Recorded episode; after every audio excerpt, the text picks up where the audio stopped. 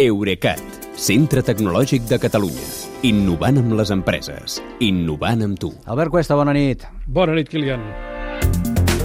Aviam si ho dic bé això, Albert. Apple no és la marca de mòbils més venuda del món, que ho sabem, però el mòbil més venut l'any passat sí que va ser un iPhone. L'any passat es van vendre al món gairebé 1.400 milions de telèfons mòbils i, segons la consultora Counterpoint, els consumidors van poder triar entre 4.200 models diferents de telèfon, de manera que n'hi va haver per tots els gustos.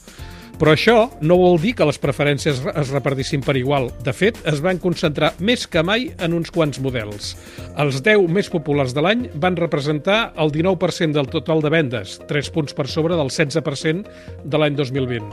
Això és perquè les marques tendeixen a centrar-se en els seus telèfons estrella i a simplificar uns catàlegs que havien arribat a ser molt, però molt dispersos.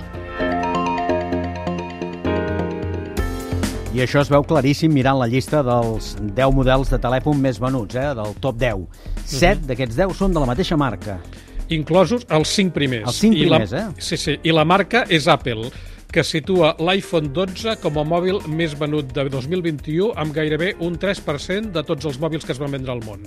Uh, després venen per aquest ordre els iPhone 12 Pro Max, 13, 12 Pro i 11.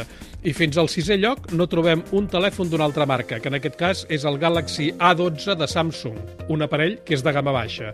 Després venen un Xiaomi, que també és econòmic, el Redmi 9A, dos iPhones més, el bàsic, el bàsic SE, que per cert ahir es va renovar amb una nova versió 5G, i l'iPhone 13 Pro Max, el més car de tots, i finalment un altre Xiaomi també barat, el Redmi 9. De tota manera, mm, no canvia que Samsung és la marca que més telèfons ven, eh? Seria això? És això, venen un 20% del mercat, però eh, té una gamma molt, molt àmplia que abasta tots els nivells de preu i només va colar un model amb aquest top 10 mundial.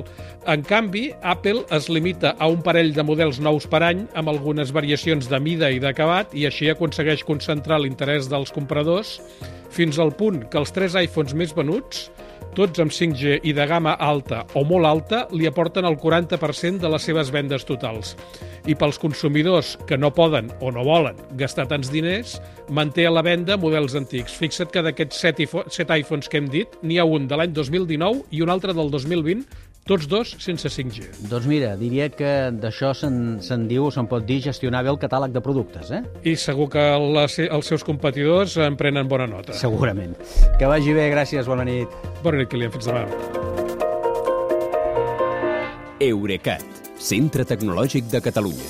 Innovant amb les empreses. Innovant amb tu.